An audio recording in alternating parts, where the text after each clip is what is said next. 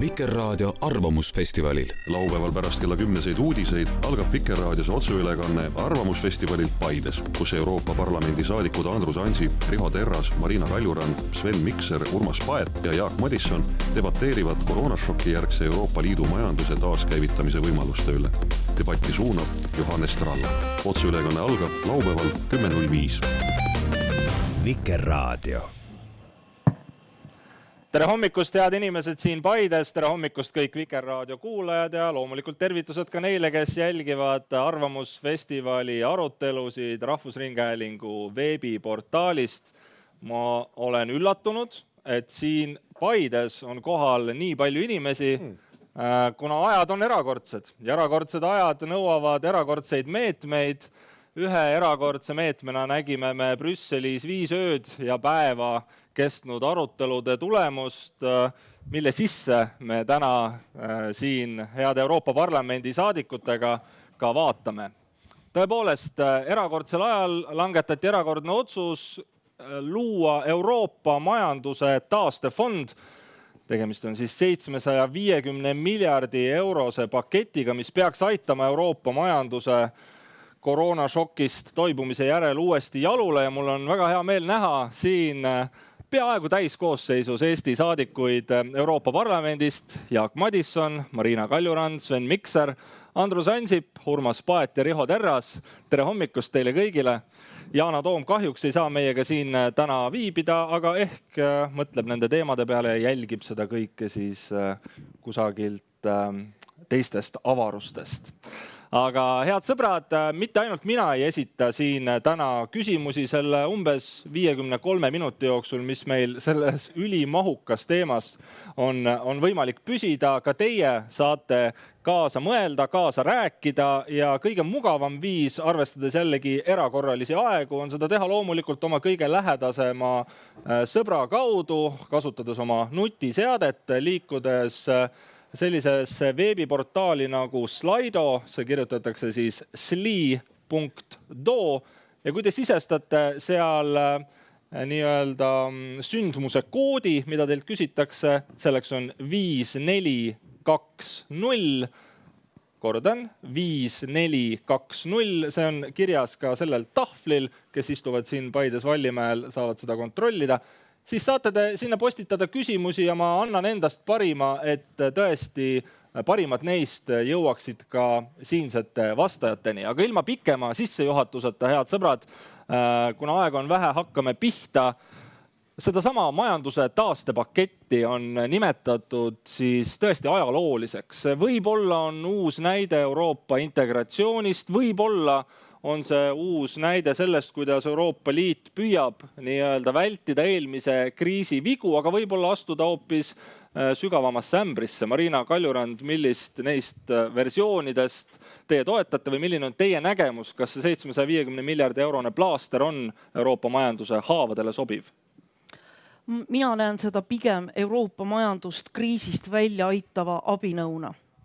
kas see summa on sobiv, selle üle võib lõputult vaielda praegu on see summa sellisena kokku lepitud ja nüüd on küsimus, kuidas teda kõige otstarbekamalt kasutada, kuidas teda võimalikult kiiresti kasutada ja kuidas saada kokkulepe nüüd juba ka või kuidas hakata seda edasi rakendama ja kuna ta on seotud eelarvestrateegiaga, siis järelikult on järgmine küsimus võimalikult ruttu vastu võtta Euroopa Liidu järgmine eelarvestrateegia, kus parlamendil on oluline sõna kaasa rääkida ja kus parlament ei ole ainult kummipitsat, vaid on juba tõstatanud olulisi küsimusi Jaak Madisson, on see ohumärk Euroopa sügavamas integratsioonis või vastupidi, on see täpselt see, mida Euroopa praegu vajab?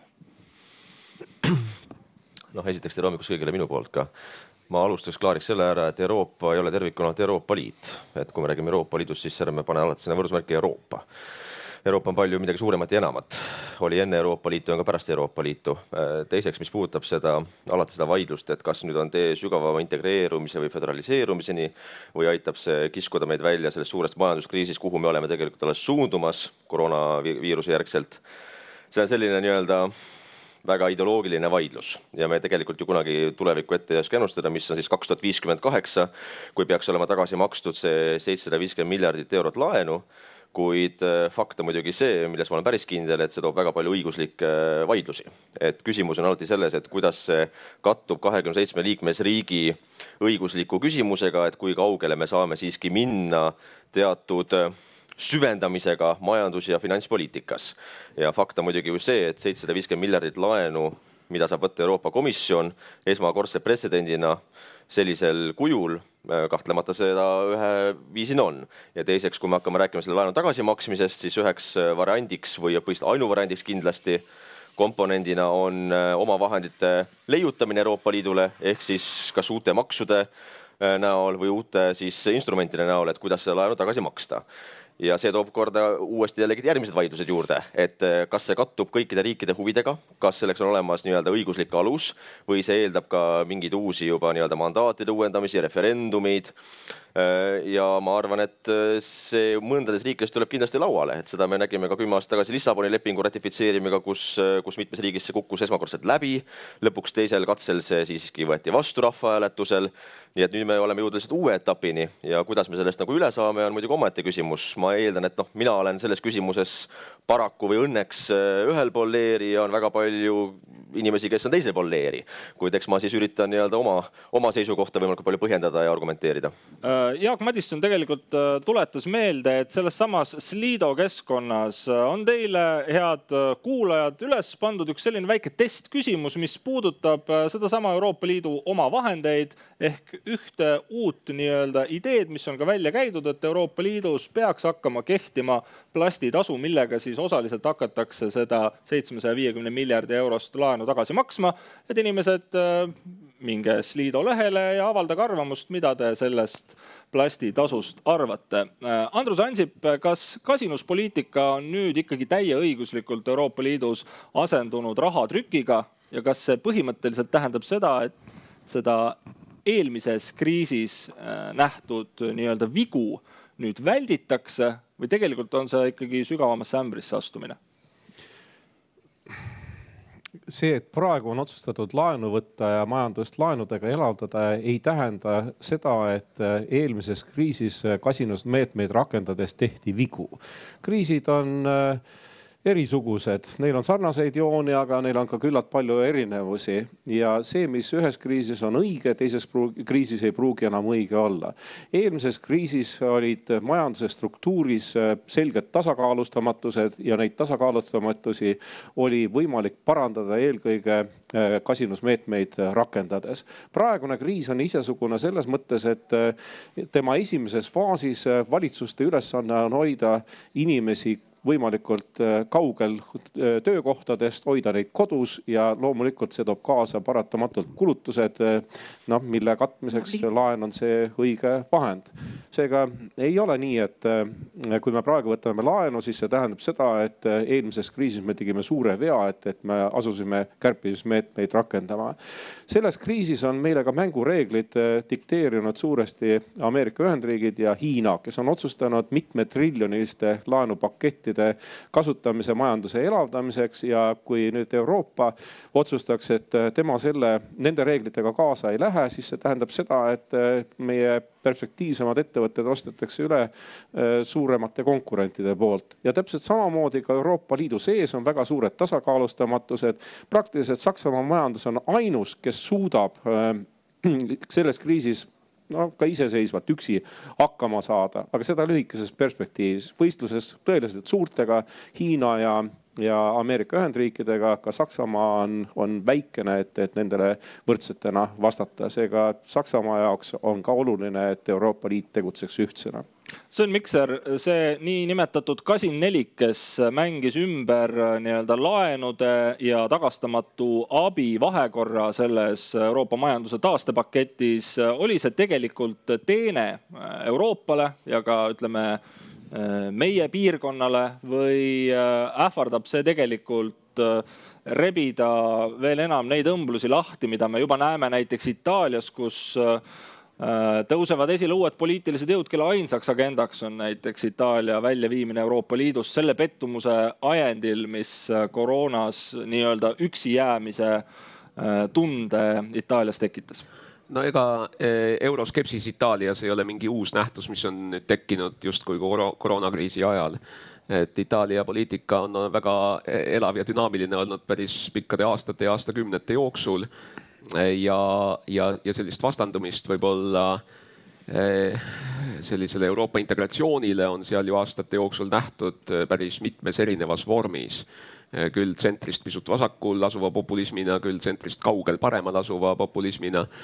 aga eh, mis puudutab nüüd kasinus eh, või kasinat nelikut nii-öelda, et siis Euroopa eelarve üle, eriti selle Euroopa ühise eelarve tulupoole üle vaidlemisel on see veelahe ju jooksnud nende väga sellise Eh, konservatiivse jäiga eh, rahapoliitikaga riikide, peamiselt siis ka netopanustajariikide vahel ja, ja teiselt poolt siis võib-olla sellise lõdvema, vähem distsiplineeritud eelarvepoliitikaga eh, ja, ja ka Euroopa Liidu eelarvest, ühisest eelarvest pigemini raha saavate riikide vahel, kuigi need kaks kategooriat päriselt ei, ei kattu ja, ja, ja see jällegi ka ei ole mingisugune koroonakriisis tekkinud nähtus, et tegelikult ju ka praegu käimas või loodetavasti lõpusirgele jõudev MFF-i arutelu on ju alanud ammu-ammu enne koroonakriisi puhkemist ja, ja me teame, et tegelikult noh, ka Brexiti valguses ühe suure netopanustaja lahkuja, lahkumise valguses on, on väga teravad erimeelsused olnud just nimelt nende eh, pigemini kasinat lähenemist pooldavate panustajariikide ja teiselt poolt siis nii-öelda suuremate saajariikide vahel. ega koroonakriisi puhul ka me kipume lahutama siin eh, üksikute liikmesriikide vastuseid siis sellest Euroopa kui terviku vastusest kriisile. et tegelikult ju ülisuur osa sellest nii, nii eh, kriisi reguleerimiseks või kriisi lahendamiseks eh, juurde makstavast rahast kui kõigist muudest kriisi lahendusmeetmetest ikkagi võetakse vastu, langetatakse ja viiakse ellu liikmesriikide tasandil. et see, mida Euroopa teeb ühiselt, lisandub sellele, mida riigid teevad eh, üksikult. ja, ja tegelikult kõik viimased kriisid ja siin ma arvan, ei ole väga suurt vahet ka isegi selle tosina aasta taguse äh, finants- ja majanduskriisiga. et kõik viimased kriisid näitavad, et koordineeritult ühiselt, ühtselt kokku lepitult suudetakse teha rohkem, suudetakse reageerida paremini, kiiremini, naasta kiiremini normaalse eh, elu juurde. Eh, ja, ja, ja noh, see loomulikult see koordinatsioon ei saa ega pea piirduma üksnes Euroopa Liiduga, et ka see, et, et globaalselt seda, seda jõupingutust koordineeritakse, olgu siis tegu nii-öelda rahva tervisekriisile reageerimisega või ka majanduslanguse eh, siis peatamisega.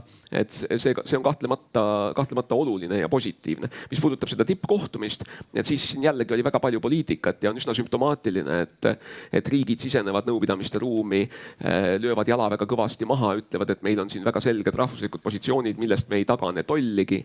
et olgu siis kaheksa, neljakümne kaheksa või seitsmekümne kahe või üheksakümne kuue tunni pärast tullakse ruumist välja, öeldakse, et ajalooline kompromiss on saavutatud ja kõik eh, riigi ja valitsusjuhid löövad endale vastu rindu ja ütlevad, et me saime rohkem, kui me üldse oskasime küsida. no nii see Brüsselis käib jah. see, see, see on poliitika, et sellest võib-olla võib isegi mööda vaadata äh, Urmas Paet, kas, äh, no kui oluline see seitsmesaja viiekümne miljardi eurone plaaster ikkagi siis nüüd Euroopa majanduse haavu arvestades üldse on või tegelikult saaksid äh, ikkagi liikmesriigid laias laastus ka sellest ise üle, on see ikkagi vajalik ja miks ta vajalik on?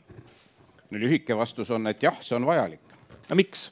no peamine põhjus, miks ta on vajalik, on, ma arvan, täna isegi emotsionaalne ja kui vaadata seda kriisi, mis siis terve see aasta on Euroopas möllanud ja kogu maailmas, siis see on segu erinevatest asjadest, millest üks äh, alusaspekt on surmahirm et eh, ikkagi ju miljonid ja miljonid inimesed ka Euroopas eh, on olnud kuid ja kuid otseselt mures omaenda elu pärast, oma lähedaste elu pärast. ja ega see ju jätkub, kui me vaatame, mis täna toimub eh, ka meie ümber Euroopas, siis see kõik paljuski ju jätkub. teisalt nende emotsioonide kõrval, selle otsese surmahirmu emotsiooni kõrval on ka palju muud, on töökaotus, on hirm kaotada töö on hirm majanduslikult äh, nii-öelda kokku kukkuda, mis on jälle emotsioonid. ja selles osas on ju õigus, et, et kui vaadatagi viimaste aastakümnete peale ka Euroopas, siis sellist segu äh, ühes kriisis, kus on käsikäes käivad seesama väga inimlik surmahirm koos majandusliku ebakindluse ja ka majanduslike löökidega ja võtta siia juurde veel siis see ülemaailmne pilt, kus Euroopa peab konkureerima teiste suurtega, nendesamade Ameerika Ühendriikide ja, ja Hiina ja, ja kelle kõigega veel et sellist olukorda tõesti pole olnud ja, ja see tähendabki seda, et on vaja anda kindlustunnet ja vastust. ehk see seitsesada viiskümmend miljardit, noh, kui võib-olla ka kohati mitteratsionaalselt see kõlab, aga see kohati on ka seesama emotsionaalne vastus nendele hirmu ja negatiivsetele emotsioonidele. see peab andma ka sellist kindlustunnet, et noh, inimesi ja ka Euroopa riike ei jäeta nii-öelda oma pead, et me oleme näinud nimetasin Itaaliat varem, millist kahju tegelikult on teinud ainult nii-öelda mõned sellised vale või pseudouudised juba praegu kogu Euroopale avaliku arvamuse mõjutamise kaudu.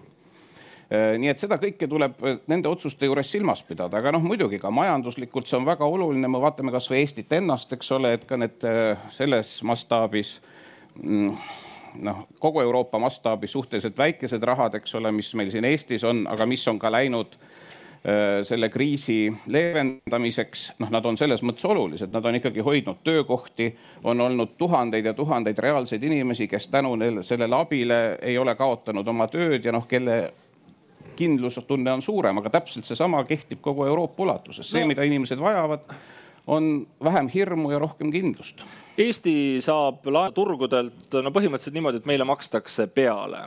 sellest seitsmesaja viiekümnest miljardist loomulikult saame ka meie oma osa, aga Riho Terras, no miks on vajalik praegu nii-öelda Euroopa Komisjonil hakata laenama ja siis külvata raha nendele riikidele, kes võib-olla ei ole oma raamatupidamist hoidnud eh, nii heal järjel nagu Eesti, kes tõesti ei saa odavalt laenata. kas see natuke selline doping ei ole?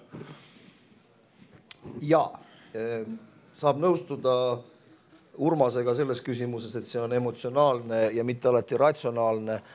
aga ma arvan, et on kaks asjaolu, mis eh, on kaardid täiesti ümber mänginud Euroopa Liidus, on Ühendkuningriigi lahkumine ja koroona, mis sattusid kuidagi niimoodi üksteise järelt tulema ja kui eelnevalt Euroopa Liidus eh, sellist äh, lauslaenamist ei olnud eh, noh, nii-öelda võimalik teha, kuna olid ka Saksamaa tol hetkel veel konservatiivsena, siis nüüd eh, läks nii-öelda nagu kork lahti. esiteks eh,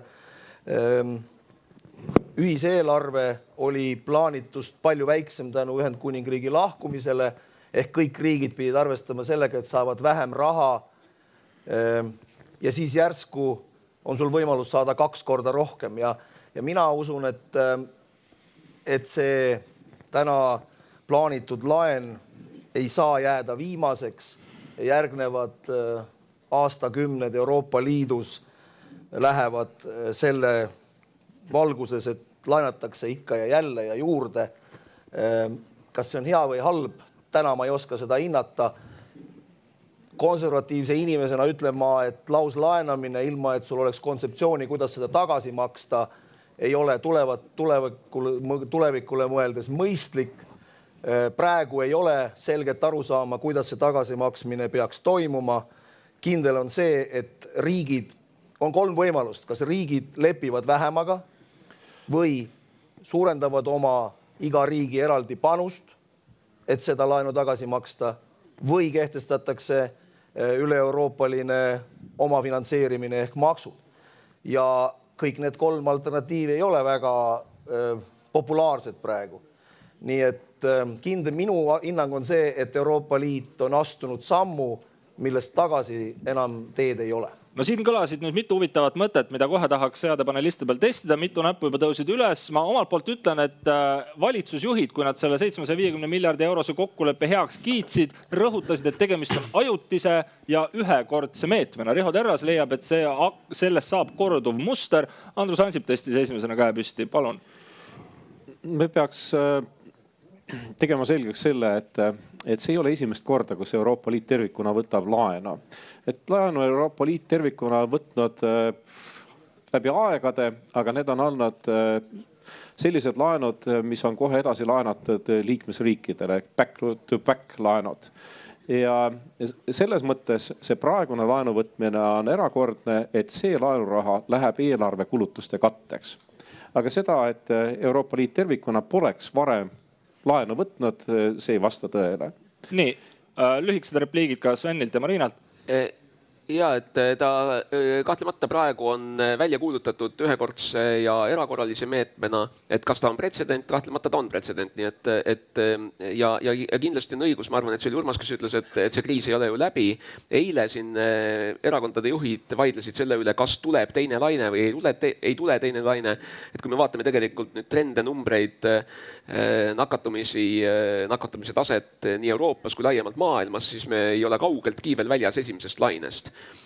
mis puudutab seda laenu tagasimakset, et ega siis ka riigid ega isegi mitte üksikud leibkonnad laenu võttes pika aja peale ju tegelikult eh, ei tea, kuidas nad, millistest tuluallikatest nad selle tulevikus tagasi maksavad, rääkimata nüüd siin kolmekümne, neljakümne aasta pärast. et mis puudutab Euroopa oma tulusid, et siis sellele küsimusele võib läheneda tegelikult kahte moodi. Eh, ja kahtlemata tuleb olla suhteliselt ettevaatlik, kui hakata vaatama, et Euroopal on vaja raha ja me peame selle kuskilt saama ja milliseid makse me võiksime kehtestada.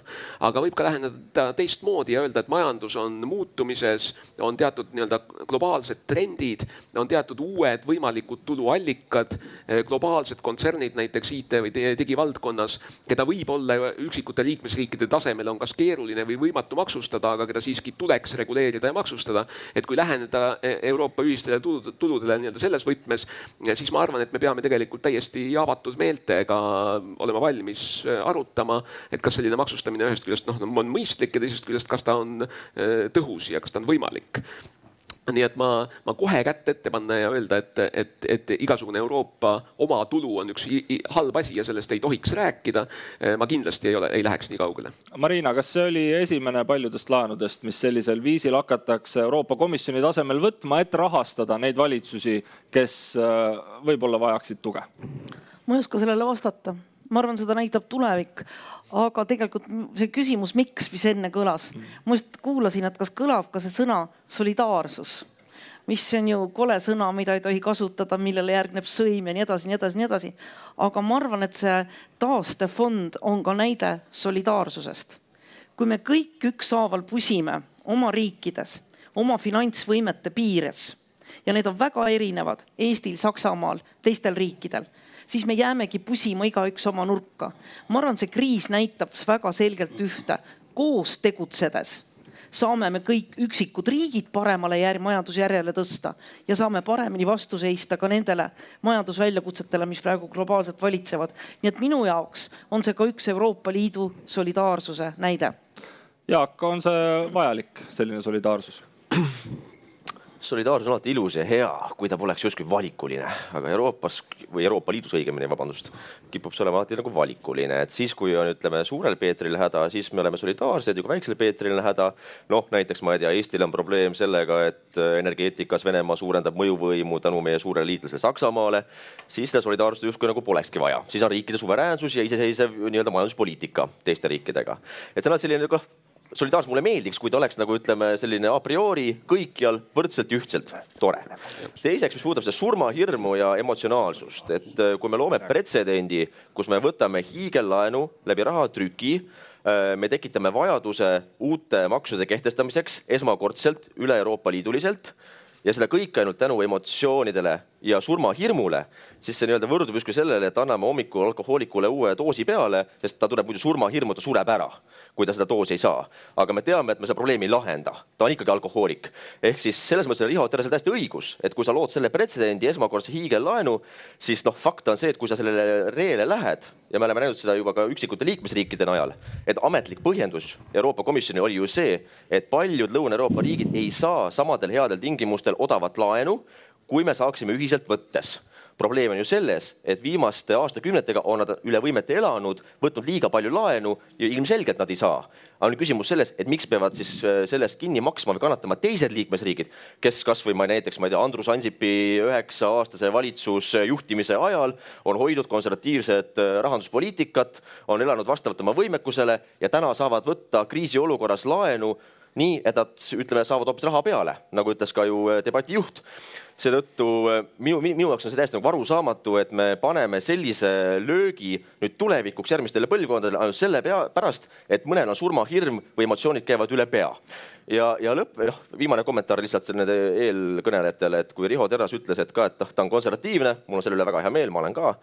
aga et see on justkui nii-öelda nüüd üks tee, kust enam tagasipääsu ei ole ja see toob kaasa paratamatult kas uute omavahendite küsimuse, uute maksude näol, uute laenude näol, siis ma ütleksin, et mis on selles vahet, kas sa oled liberaal, konservatiiv, sotsialist või kommunist või parempoolne, kui sa hääletad sellesama paketi poolt kõikide teistega. et mis on siis vahet, kas sa oled seal konservatiivne ja hääletad selle paketi poolt, mis tegelikult juhib Euroopa Liitu uude võlakoormusesse, kus kahekümne, kolmekümne aasta pärast öeldakse, et kuulge, et aga teate, et iga selle riigi hinnalipik seal taga laenukoormusest on nii ja nii mitu miljardit. seega, kui te mõtlete siin, ma ei tea, mingile referendumile või Brexiti laadsele asjale või tahate hakata mingit oma asja ajama, siis noh, te võite ju selle peale mõelda, aga näete, te olete andnud viimase kolmekümne, neljakümne aastaga tänu paljudele meile siin või paljudele Euroopa Parlamendi liikmetele, et siis teie hinnalipik on see ja makske kinni, kui tahate hakata midagi isepäiselt mõtlema. seega minu meelest täna nagu see moment, kus me peamegi debateerima nende uute maksude üle, äh, selle tuleviku üle Euroopa Liidus, kuid ka arvestama sellega, et äh, mis on need kõige nii-öelda halvemad stsenaariumid võimalikest, mis nendega kaasnevad, kui me anname selle rohelise tule. tegelikult oleme andnud kahjuks. jätkamegi debatti, Urmasel oli näpp püsti, siis Sven. Urmas, palun et jah, see, mida me osaliselt praegu kuulsime, oligi näide valikulisest solidaarsusest, et noh, millegipärast äh, selle praeguse taastumispaketi kriitika juures kipub kriitikutel meelest ära minema näiteks see, et kogu Euroopa Liidus oleku aja jooksul on Eesti igal aastal saanud Euroopa Liidu eelarvest neli, isegi viis korda rohkem, kui meie oleme sellesse eelarvesse maksnud. ka see on solidaarsus, aga millegipärast see nüüd nagu kipub ununema ja täpselt nii on olnud kõigi teiste keskmiselt vaesemate Euroopa Liidu liikmesriikidega.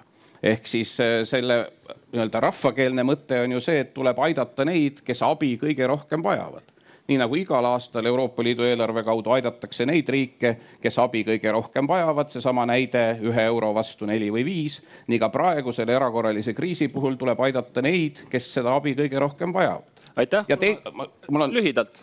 teengi väga lühidalt.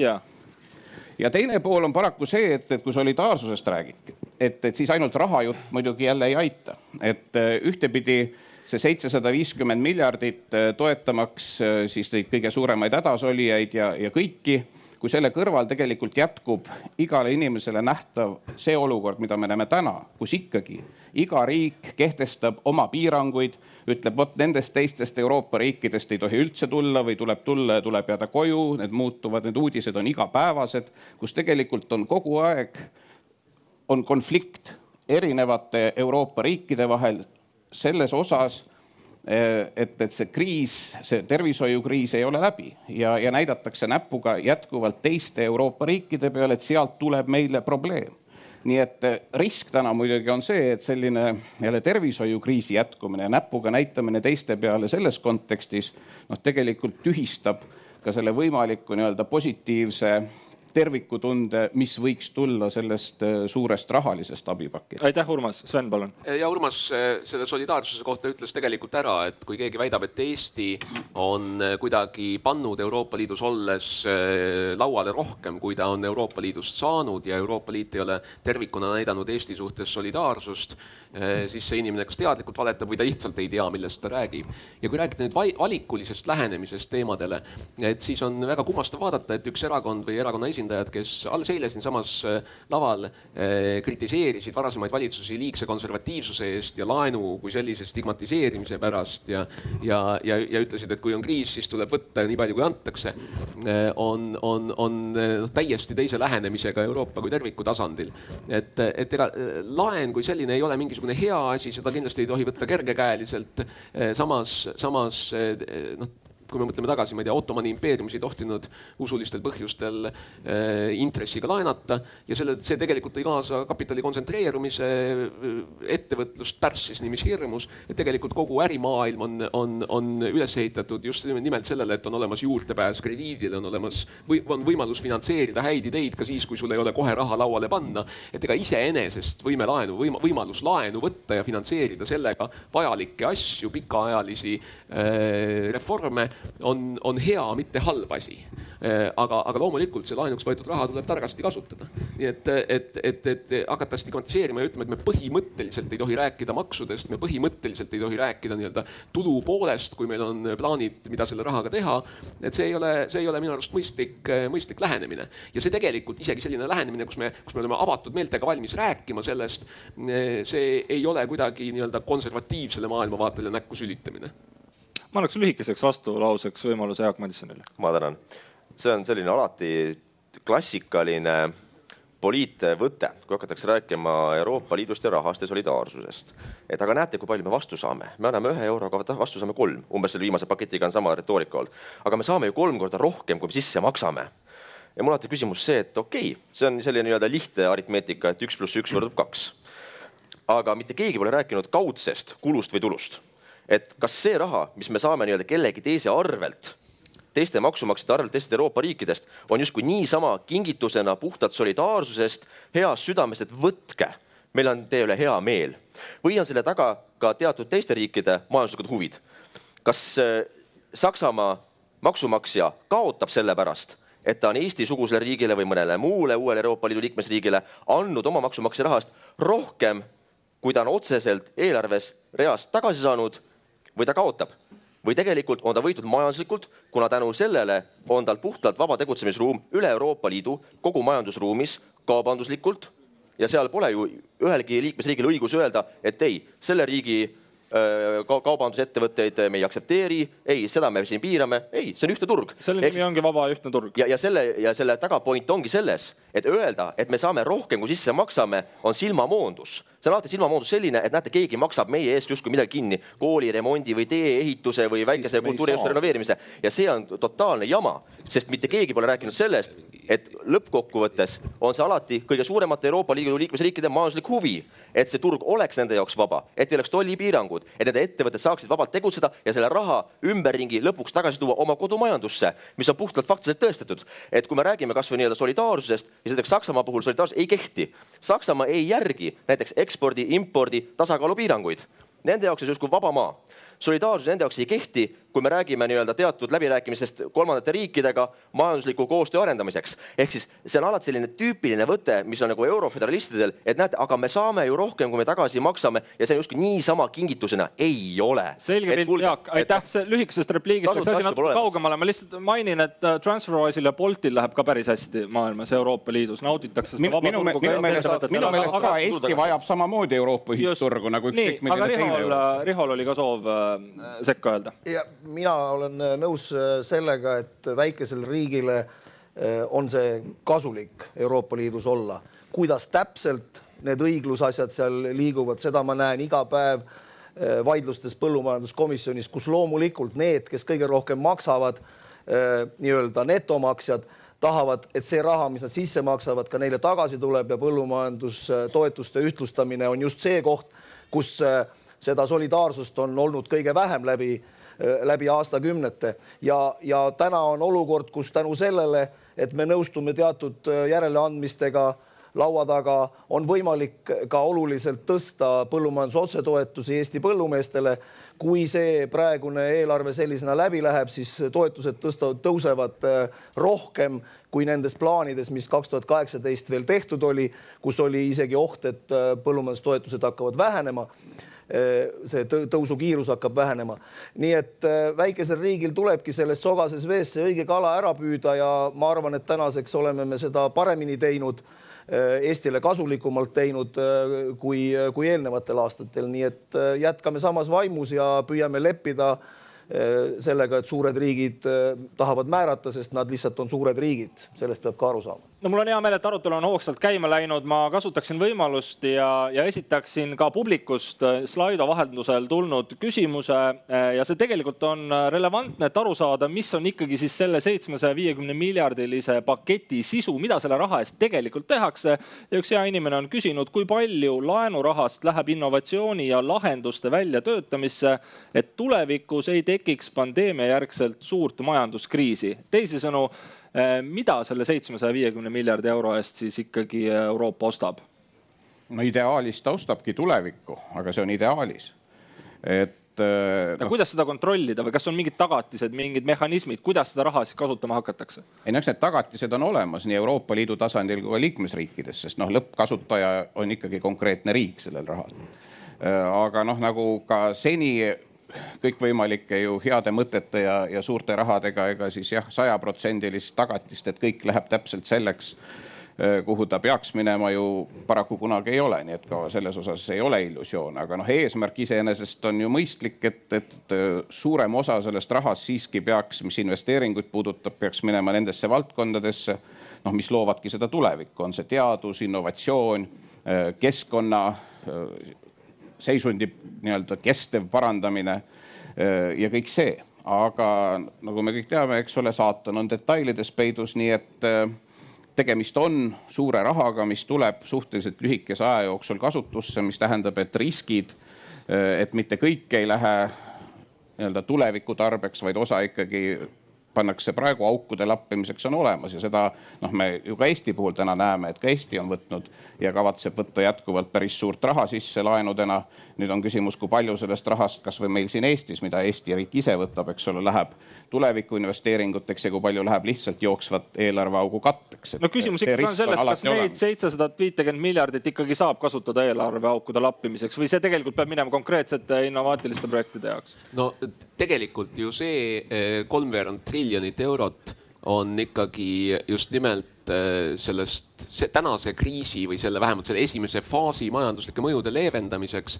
ja ega, ega, ega tegelikult kõik need majanduslikud mõjud ei taba ju neid kõige innovatiivsemaid sektoreid et on selge, et näiteks turismisektor üle Euroopa on saanud väga pihta. Eh, mõned eh, riigid, kus eh, turismi osa, sektori osakaal SKT-st oli väga suur, said kriisi varases faasis ka, ka nii-öelda rahva tervise mõttes kõige, kõige suurema hoobi.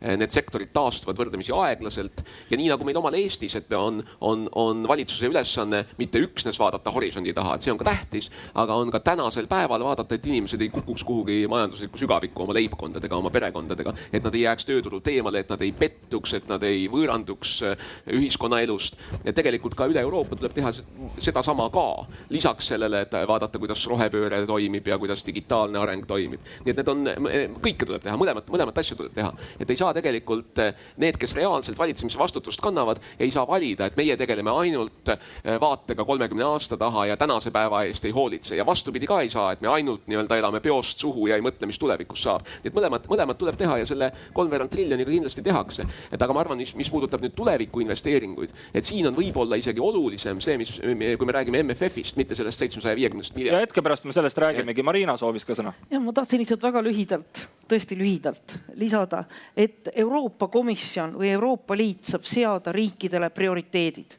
prioriteedid on väga selgelt välja öeldud. digi, innovatsioon, teadus, keskkond väga selgelt öeldud kuidas nüüd iga riik hakkab seda raha kasutama, ega uut süsteemi ei hakata leiutama vaid kasutatakse samade fondide, samade vahendite kaudu, nagu on tehtud senini ja neid ka hinnatakse. nii et mina ei välista, et mitteotstarbeliselt kasutatud raha nõutakse Eestilt mingil hetkel tagasi.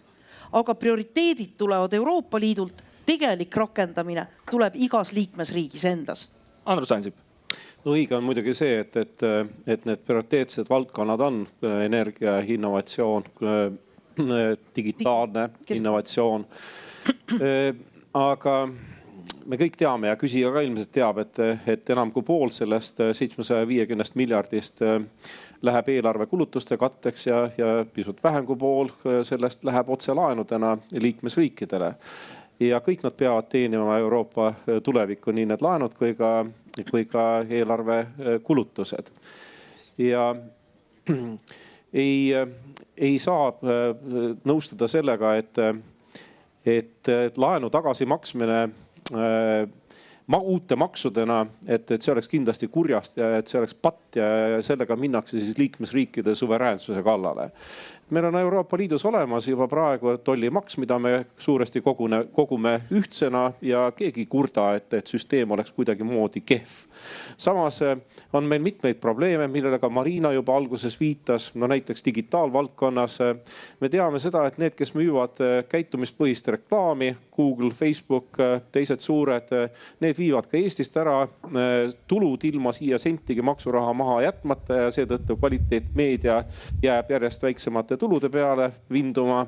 ja meil on vaja ühtset lähenemist, sest isegi ka Prantsusmaa, suur Prantsusmaa on osutunud suhetes Google'i ja Facebookiga liiga väikeseks, et seda maksu tõepoolest jõustada. täpselt sama võib öelda ka süsiniku piirimaksu kohta kui Eesti tahaks näiteks Venemaal mustalt toodetud elektrile kehtestada äh, maksu, äh, teades, et meil on seatud kõrged sotsiaalsed ja keskkonnastandardid, äh, siis kui kõrvalriigis neid standardeid ei järgita, neil pole neid standardeid, siis see tähendab, nad saavad märksa odavamalt müüa seda elektrit. no siis eh, Eesti jääks jänni, sest see elekter tuleks Venemaalt siia läbi Soome või läbi Läti või läbi Leedu, et ei ole mitte mingisugust eh, mõtet Eestil seda tüli üldse tekitada. et sellist maksu saab kehtestada ainult koos ja ma arvan, et, et see ei ole mitte mingisugune suveräänsuse kadu, kus me oma huve eh, kaitseme koos oma liitlastega. täpselt sama puutub, noh, võib öelda riigikaitse kohta. me ju teeme seda koos teistega. me ei kavatse noh, nagu minna suurele vastasele vastu ihu üksinda ja öelda, et, et nüüd me oleme tõeliselt suveräänsed, kui suur meid ära sööb. ja Jaak ma vastan kiiresti lühidalt, et esiteks vist see küsija küsimus puudutas täpsemalt tuleviku majanduskriiside ennetamist või vältimist ja in, investeeringuid. investeeringuid, innovatsiooni, et kuidas ennetada järgmisi majanduskriise. et siin ma noh, peaks lühidalt vastama, et ma kardan, et äh, on asju, mida ei saa kunagi muuta inimloomuses, nii nagu ei saa muuta seda, et hommikul tõuseb päike ja õhtul loojub. et sama asi on majanduskriisidega, et äh, see, et ega see majanduskriis, mis täna tuli, tuli ju kohast, kus mitte keegi ei oodanud seda aasta aega tagasi. keegi poleks noh ette kujutanudki seda kuskilt koroonakriisist. et seega ma kardan, et kümne või kahekümne aasta pärast võib tulla järgmine majanduskriis kuskilt, kus isegi tänane innovatsiooni ei oskaks ette kujutada. et seega nende asjade nagu välistamine tänaste teadmiste baasil on äh, noh suhteliselt võimatu tegevus, mida ehk suudavad teha, ma ei tea, selgeltnägijad Venemaal. ma ei kujuta ette. Noh. et äh, teiseks, mis puudutab seda suveräänsusküsimust, millest härra Ansip mainis, siis siin ma siiski tsiteeriksin võib-olla veel nii-öelda õigusteaduste nii-öelda targemaid päid, kelleks on kindlasti Kari Ginter Tartu Ülikooli õigusteaduste doktor, kes eh, tegi väga tõsise analüüsi ka selle praeguse pakti kohta, nii selle informatsiooni baasil, mis meil täna teada on, kuigi seda infot väga palju ei ole, mis puudutab tagasimaksmisvõimalusi ja seda tulevikustsenaariume kuid Kari Ginter on siiski nii-öelda väga konkreetselt ära maininud, et ka nii-öelda praeguse teadmise baasil olemasolev pakett, mis eh, sisaldaks ka nii-öelda plastikumaksu kehtestamist, kahtlemata suurendab liikmesriikide kohustusi Euroopa Liidu ees. ehk siis pöördvõrdeliselt võime seda tõlgendada suveräänsusküsimus puhtalt. ja, ja kokkuvõtetes on ta väga teravalt tähelepanu juhtinud, et selle menetlusprotsessi käigus me nii-öelda juhuslikult või kogemata liikmesriikides ei annaks liigselt pädevusi ära Euroopa Liidule, mis võib tekitada õiguslikke probleeme. ehk siis äh, nii-öelda, kui me räägime väga vabalt, et uute maksude kehtestamine Euroopa Liidu üleselt, mis võivad tunduda esmapilgul väga head ja vajalikud et need justkui nii-öelda ei tekitaks suveräänsusküsimuse probleemi. no tegelikult see ei ole päris tõsi, äh, nii-öelda lähtudes tema analüüsile ja lõppkokkuvõttes, et täna me võime mõelda, et CO2 maks võib olla hea loodusele või digimaks võib olla hea nii-öelda, et saada maksutulu kätte, mida me üksi ei saaks. siis samamoodi võime ju nii-öelda ette kujutada, et okei okay,, aga kahekümne, kolmekümne aasta pärast, kui me oleme võtnud veel vahepeal hiigel, mitu hiigellaenu, nagu noh, tõenäoliselt on juhtumas, nagu ka härra Teras mainis, ühte valiku, valikuvarianti tulevikuks, siis äh, äkki me räägime kümne aasta pärast ühtsest ettevõtte tulumaksust, äkki me räägime ühtsest sotsiaalmaksust. nii et et äh, nii-öelda noh, see, see asi nagu rullub lumepallina suuremaks, suuremaks, suuremaks.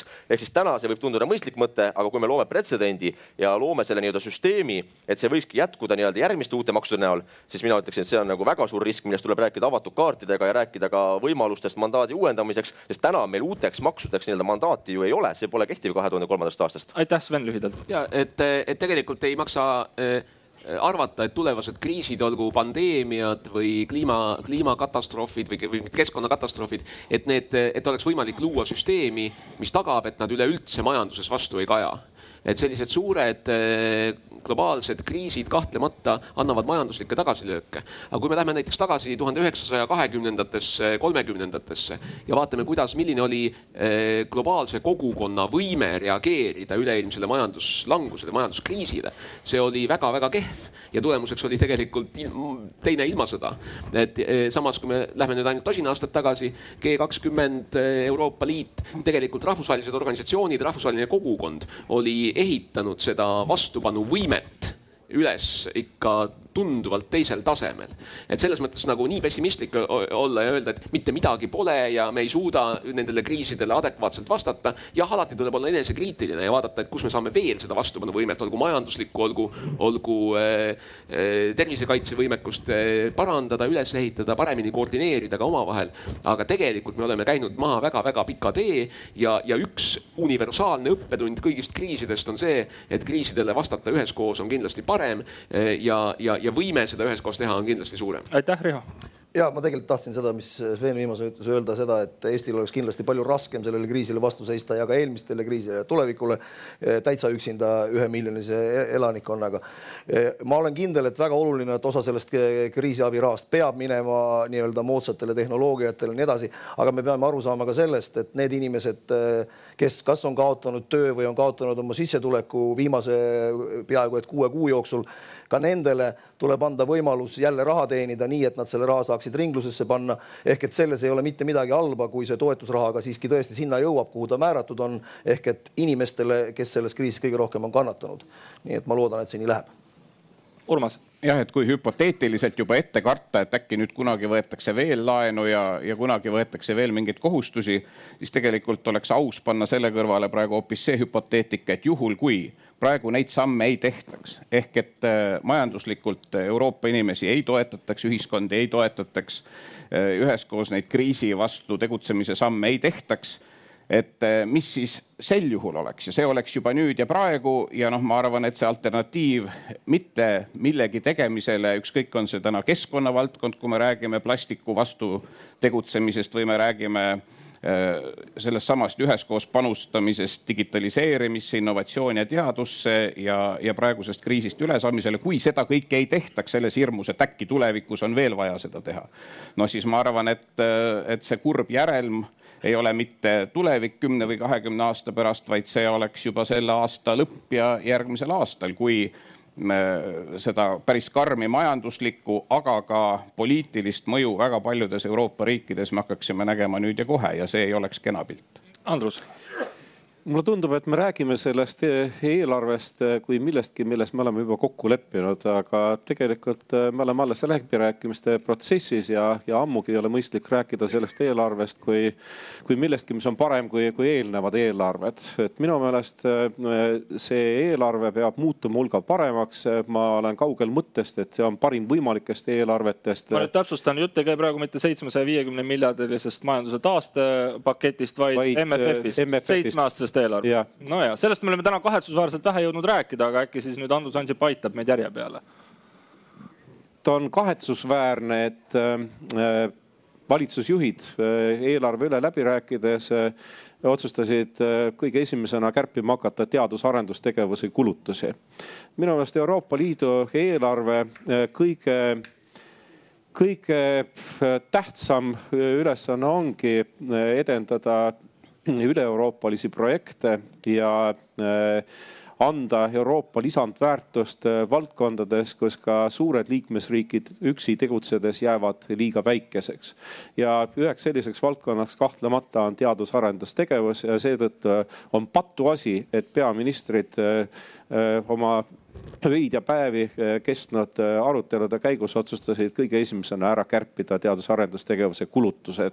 mina tahan küll parlamendis seista selle eest, et, eh, et need kulutused saaksid uuesti kasvatatud. ma ei taha nüüd kellegi tuju rikkuda, aga mina olen Brüsselis kajastanud vähemalt kahtesid MFF-i läbirääkimisi ja kui mu mälu mind ei peta, on teadus-arendusraha alati esimesena kärpimisele läinud vist ka siis, kui Andrus Ansip oli peaminister. ilmselt mitte teie otsusega, ma kujutan ette siis ei, see päris nii nüüd ei ole, et. Äh, no enamasti ikka sealt võetakse. no võtame selle kõige esimese minu äh, läbi räägitud eelarve. aga väga lühidalt, tõesti no,. lühidalt ei ole võimalik seda rääkida, aga põhidebatt ööd ja päevad käis selle üle, kas eelarve maht peab olema üks koma null kolm või üks koma null kuus protsenti äh, GNI-st ja siis lõpuks lepiti kokku üks koma neli, null nelikümmend viis. milleks? vaat selleks aega ei jätkunud, selleks me ei saanud piisavalt aega, et arutada. no ja siis otsustati, aga no nimi peab asjal olema, ütlema, et see on suunatud tulevikku, innovatsiooni ja visati siis noh, nagu mingisugune sõrmeotsatäis miljoneid siis äh, innovatsioonile juurde. noh, saimegi innovatsiooni eelarve. Sven. aga, aga ka siin tuleb vaadata, et ega Euroopa Liit ei ole, et, et, et me ei saa neid ebamugavaid asju, milleks on Euroopa konkurentsivõime, eh, riputada ka ainult Brüsseli nagisse et vaatame siis, kui palju me näiteks omaenda siseriikliku eelarvega paneme sellesse kriitilisse valdkonda. et kahtlemata see eh, kriisi, eh, akuutse kriisi leevendamine eh, ei, on, on midagi natukene muud kui nii-öelda tulevikustrateegiate kokkuleppimine ja nende rahastamine. aga MFF-is kahtlemata, kui enne seda kriisi räägiti ikkagi väga kõlaval häälel just nimelt digitaliseerimisest ja rohepöördest kui Euroopa tulevase konkurentsivõime alustest, siis see kriis on selle fookuse viinud sealt ära ja oluline on, et tegelikult see fookus ikkagi hoitakse ka nendel kriitilistel valdkondadel. aga oluline on see, et, et, et tõepoolest ka liikmesriikide pealinnades, kus samuti tegeldakse akuutse kriisi leevendamisega, et ka seal ei panda seda raha mitte ainult betooni või, või, või, või ainult kuhugi nii-öelda pehmetesse meetmetesse, vaid ikkagi ka vaadatakse, et ei kannata need, need asjad, mis meile järgmise kolmekümne, neljakümne aasta jooksul, kui me muuhulgas hakkame ka seda suurt laenu ühiselt tagasi maksma, ikkagi tooksid tulu. sest tõsiasi on, et ega Euroopa selles globaalses eh, konkurentsi eh, keskkonnas eh, ei ole edenenud, et paljud, paljud olulised meie võistlejad on viimase kolmekümne, neljakümne, viiekümne aasta jooksul arenenud tunduvalt kiiremas tempos ja Euroopa ei tohi seda mahajäämust tegelikult põlistada Marina. ja ma tahaksin lisada veel, et et oleks täiesti selge, Euroopa Parlamendil ei olnud kaasarääkimise õigust selle laenu osas selle otsustasid valitsusjuhid. Euroopa Parlamendil on õigus rääkida kaasa nüüd tulevase eelarve osas ja nagu ma esimeses lauses ka ütlesin alguses, kui me alustasime, Euroopa Parlament on väga selgelt näidanud, et seekord ei olda kummitempel ja see ja, ja samas meil on samasugune õigus kaasa rääkida nagu liikmesriikidel, nagu nõukogul. nii et need küsimused, millest, mida juba puudutati, tulevad üles oma kohustused tulevad üles, aga tuleb üles ka näiteks selline küsimus, kas demokraatial on hind? kas need riigid, kes keeravad kodus kinni demokraatia kraane, kas neil on õigus saada Euroopa Liidu tulevasest eelarvest nii palju vahendeid, kui nad soovivad või kui ei täida väärtusi, kui ei täida põhimõtteid, siis maksad siis ei saa ka raha. nii et tegelikult see sügis tuleb väga pinev ja Euroopa Parlament kindlalt ei ole vait kindlalt ei ole kummitempel, ma näen seda juba kasvõi sotside fraktsiooni aruteludel, seal tulevad teravad küsimused üles, nii et mingil hetkel on see eelarve tagasi valitsusjuhtide laual, ma arvan. meil on kolm minutit arutelu lõpuni, lühikesed repliigid, alustame Rihost ja ma tahtsin sinna lisada just, et, ähm, et kärbiti mitte ainult teadust, vaid kärbiti ka, ka väga uut asja Euroopa äh, rahastamist, nii-öelda kaitserahastust. Ja, ja see praeguses julgeolekuolukorras ei ole mõistlik olukorras, kus äh, Ameerika Ühendriigid ja Hiina on, on suures konfliktis, kus Venemaa on surutud nurka, kus Valgevenes toimuvad äh, rahvarahutused, äh, peab Euroopa pöörama tähelepanu ka väga palju julgeolekule ja Eesti jaoks olla Euroopa Liidu liige selles tänases julgeolekuolukorras on kindlasti ka julgeolekugarantii, seda me siin kontekstis ei tohi unustada ja, ja loodame, et me tuleme siit sellest kriisist paremini välja kui eelnevatest, aitäh. Urmas no mõistetavalt on suur osa sellest aastast olnudki üks teema valdav Euroopa Liidu jaoks ehk seesama koroonakriis ja sellest tulenev. ja, ja selle juures, mida aeg edasi, me oleme nii-öelda ühe teema peal ainult, need riskid kasvavad, et, et muud äh, ka keerulised ja kriitilised teemad kui nad jäävad praegu tähelepanu alt välja või nende osas tehakse valesid otsuseid, siis ne nendest omakorda võib tekkida järgmine suur kriis. et ma nagu natuke näen, et see olukord on kujunemas, Riho nimetas seda julgeoleku teemat, jah, näiteks julgeoleku teemad, sealhulgas ka energiajulgeoleku temaatika äh, on olnud täna fookusest väljas, mis tähendab, et siin ja seal tegelased saavad äh, vaikselt toimetada ilma nii-öelda suurema pildita, mis äh, võib valusalt kätte maksta, nii et see pilt kindlasti lähi juba kuudel ei saa olla ainult enam koroona peal, et tuleb ikkagi tagasi tulla ka teiste suurte teemade peale. head sõbrad, see teine suur teema, milleks on Euroopa Liidu seitsmeaastane eelarve, no me puudutasime seda täna põgusalt, aga kindlasti väärinuks märksa enam tähelepanu ja no kui mitte varem, siis järgmisel Arvamusfestivalil siin klaarime selle asja ka ära, mis, milli, millist nägu siis Euroopa Liidu järgmine seitsmeaastane eelarve on, kas see oodatud rohepööre sattus nii-öelda koroona ohvriks või mitte ja, ja mida Euroopal sellest kõigest võita on.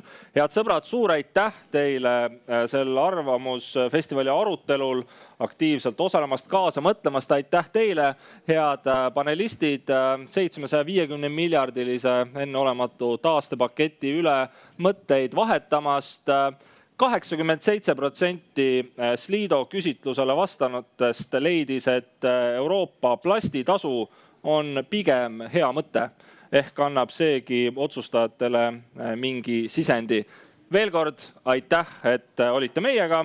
Vikerraadios jätkuvad äh, hetke pärast uudised, Arvamusfestival läheb täie hooga edasi.